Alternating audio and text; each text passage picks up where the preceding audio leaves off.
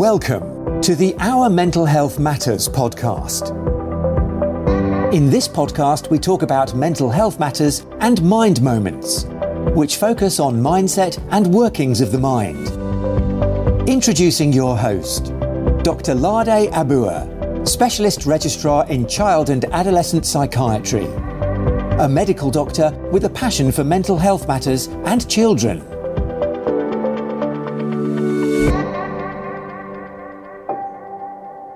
Hi everyone, it's Lade here. Welcome to the very first episode of Our Mental Health Matters. I will be talking about what mental health is and why it's important. So, what is mental health? Mental health is our psychological, social, and emotional well being. It's a state of emotional well being in which a person can have satisfaction, can have contentment, despite all the problems, challenges, and upheavals of life. World Health Organization actually puts it quite succinctly. It states that it is a well-being, a state of well-being in which we can realize our abilities, we can cope with the normal stresses of life, we can work productively and fruitfully, and we can make contributions to our community. Going by this World Health Organization definition, mental health encompasses our whole day to day life. It is central to everything we do in every aspect of our life, our businesses, our career, our family life, our finances, it is central to realizing our potential as individuals.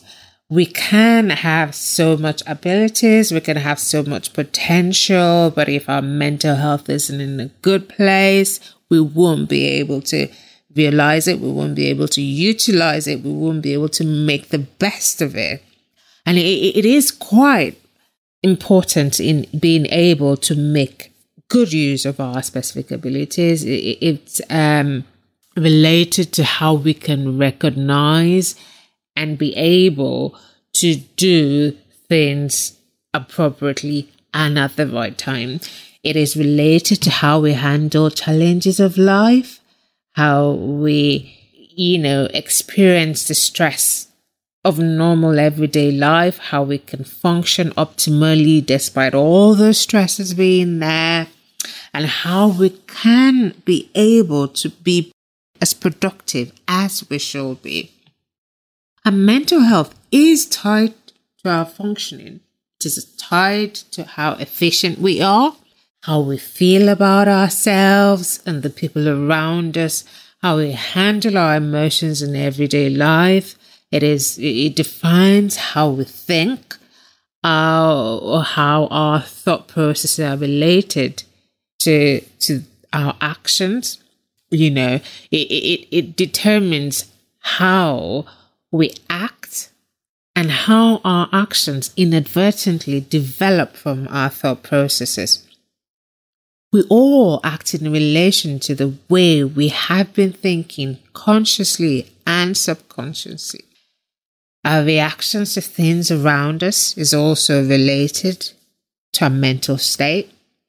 Most often, when our mental health is in a good place, we can react to stresses and things that happen to us appropriately.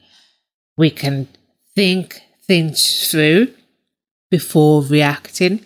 We can have that split second moment to be able to weigh things that have just happened to us and then act and react to it as we should do rather than just you know, act and react in a way that we haven't been able to think things through in the first place.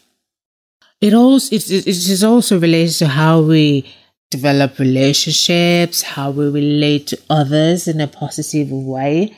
And mental health essentially determines the the the the outcomes and what we put into relationships with people around us, with our loved ones, at work, uh, with acquaintances. It is it, it makes us make the right choices when we are faced with decision making tasks. We can think through, we can weigh options, and then come up with the right decision at the right time. When relating to loved ones, when relating to other people, our emotional well being is related to our mental health.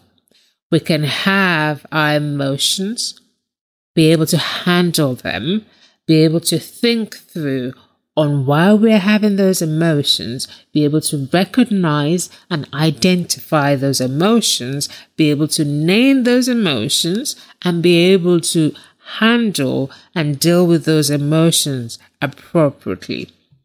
Essentially, also, with our mental health, it determines how we learn and develop our minds. Our mental health is related to our minds functioning in everyday life. It is related to how we absorb information, how we process that information, and how we utilize that information. Now, with regards to learning, we have different levels of learning, different ways of learning, different modes of learning, but our mental health is key in being able to learn and get the information and be able to use it. It is important in every stage of life, right from infanthood to childhood to adolescence and old age. It is the psychological state of someone who is functioning at a satisfactory level emotionally, behaviorally, socially, and psychologically. We can contribute to our community based on how our mental health is. With our mental health, when our mental health is in a good place, we can be be of, of, of use to people around us we can be of use to our community. We can identify ways in which we can make things better for people around us and for the society in general. Our mental health is also directly related to our physical health. People often think they're, you know, they're both two separate things. They're both um, in different worlds, but our mental health is related to our physical health. And as much as we take our physical health seriously, we also have to take our mental health seriously. I have highlighted a few important things about our mental health, but most of us, myself included, know the importance and need to do better in terms of taking care of our mental health. And knowing the importance of the mental health means we should be able to take the appropriate steps, take the right steps to support our mental health, protect it, and make sure it is functioning, it is in the right place. So, going on to differentiate mental health from mental illness, people often misinterpret both of them Mental health does not mean the absence of mental illness. Both are connected, yes, both relate to the functioning of the brain and the mind, but both are distinct and quite different. Mental illness is a dysfunction of within the brain that negatively affects our thoughts, our emotions, our behaviors, and interferes with our ability to live a full and functioning life. Mental illnesses can occur at any age. Um, we we we have mental illnesses occurring in childhood, in adolescence, um, early early youth, midlife, and old age. It is not related to weakness to weaknesses as perceived by some.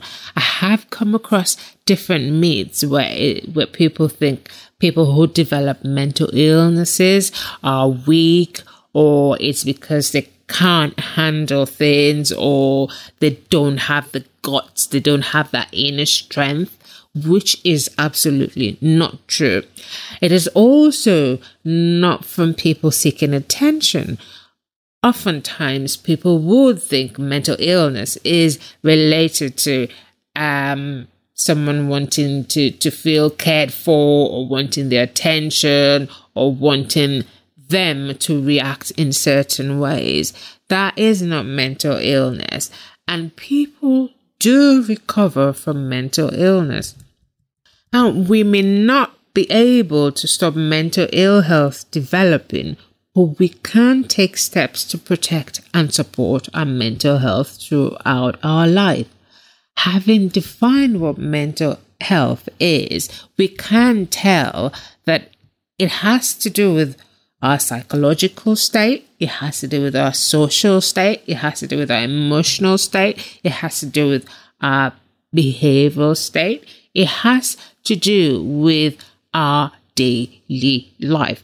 Our mental health is essential in our decision making. It is essential in being able to achieve our goals and living an optimum life.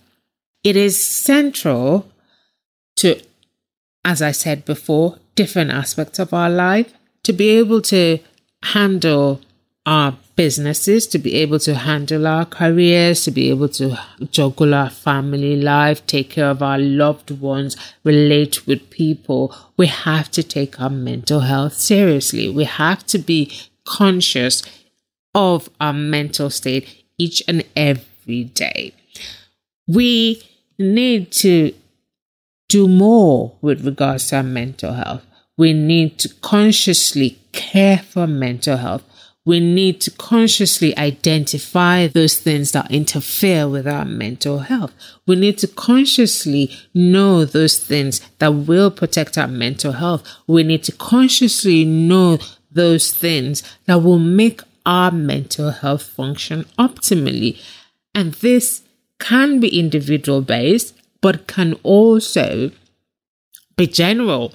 We can identify general things that everyone can do to help improve their mental health. We can identify individually things that will improve our mental health based on our own psychological makeup, based on our own background, based on our own life's experiences, based on our own businesses, based on our own environment. While relating day to day, while functioning day to day, we can note things that are not good for our mental health. You can identify things that make you stressed out. You can identify things that put you in a poor place mentally. Note them down and avoid them you can identify those things that you know will keep you awake at night and affect your mental health the next day. When we identify those things, when we're able to name them, when we're able to note them, it helps to improve our mental state. It helps to make us function as optimally as we should. It helps us to cope with the stresses, with the challenges that come with everyday life. Now, identifying them and naming them also and avoiding them, as I said before, is essential, but also knowing about the environment as well. What environment isn't good for your mental health? Certain individuals won't function optimally in a noisy environment. Some individuals won't function optimally in a very crowded place. Some individuals would want uh, uh, um, would want certain support to be put in place for them at work. As I said, identifying them, naming them, and avoiding those things, but also with our environment, we need to be able to identify what environment helps our mental health to function appropriately. With regards going on to to our social well-being as well, we'll talk about relationships. what relationships are good for mental health. We should be able to identify what relationships are detrimental to our mental health. We should be able to state with a relationship with anyone, a, a, a loved one, um, a friend or acquaintance, what effects that relationship has on our mental health. If a relationship is detrimental to our mental health, then we should be able to do that same process again, identify it, name it, and avoid it. Now, with on the other side of things, with a relationship that is good for our mental health, you want to nurture that relationship. You want to make sure that relationship grows and improves your mental health as you have identified it as a positive relationship. With regards to our emotions as well, we need to be able to identify the emotions that are detrimental to our mental health. Examples will be, let's say, anger, um, you know, mm, I will use anger as an example now. Identifying the things that bring out that um that emotion, that angry emotion that we that you know we feel isn't good for mental health and what triggers it again identify it this is anger this is what makes me angry. Name it and avoid it. So name identify those emo those those things that bring out the emotions that are negative to us. And then you know name those things categorically I, you know the triggers of what makes us angry or brings out that wrong emotion or negative emotion in us and avoid those things because that's how we help to improve our mental health and that's how we can make our mental health function appropriately. As I said earlier, um, our actions do result inadvertently from our thought processes. It is a reflection of our thinking consciously or subconsciously and identifying the negative thoughts, identifying what uh, positive thoughts we have, naming the negative thoughts and avoiding the, the negative thoughts or dealing with them as it happens is also very important to our mental health because we can um, we can identify how we act and react based on our thought processes, subconsciously or subconsciously. And this is all very important in having appropriate mental health, in being able to cope with our daily lives, being able to function optimally, being able to adjust to things, being able to adapt, and being able to have a good physical health being able to achieve our goals, being able to make decisions at the right time, being able to realize our potentials as individuals. And finally, in terms of our mental health, we can have a good mental health. We may not be able to stop mental ill health from developing, but we can take steps to protect, to support, to keep our mental health in a good place, in the appropriate place. As you have as you have listened, I hope you are one of the lucky individuals who has received my tips on how to how to live a mentally fit life. Thank you for listening and thank you uh, for subscribing to this. This is Lade for our mental health matters. Until next time, take care and goodbye. And remember, empower your mind, empower your life. Thanks for listening to the Our Mental Health Matters podcast. You can follow me on Twitter at Omaledamaka. Until next time, empower your mind, empower your life.